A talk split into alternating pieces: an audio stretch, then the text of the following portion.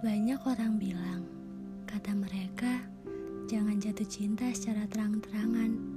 Katanya bisa bahaya, sedangkan kamu cuma capek dan sendirinya. Dan di akhir perjalanan, setiap orang berbeda-beda dalam resikonya. Bukankah kita saksi nyata jika hatinya sakit akan membekas? Aku tahu anugerah cinta dari Allah saat menyenangkan. Apakah kalian tidak sadari? Padahal Allah sudah menyarankan kepada manusia agar dijauhkan dari penyakit hati yang belum tentu jodoh bagimu dan belum tentu itu baik bagimu. Tapi jangan terlalu percaya sama manusia. Kenapa? Kita tidak percaya bahwa Allah satu-satunya untuk dicintai.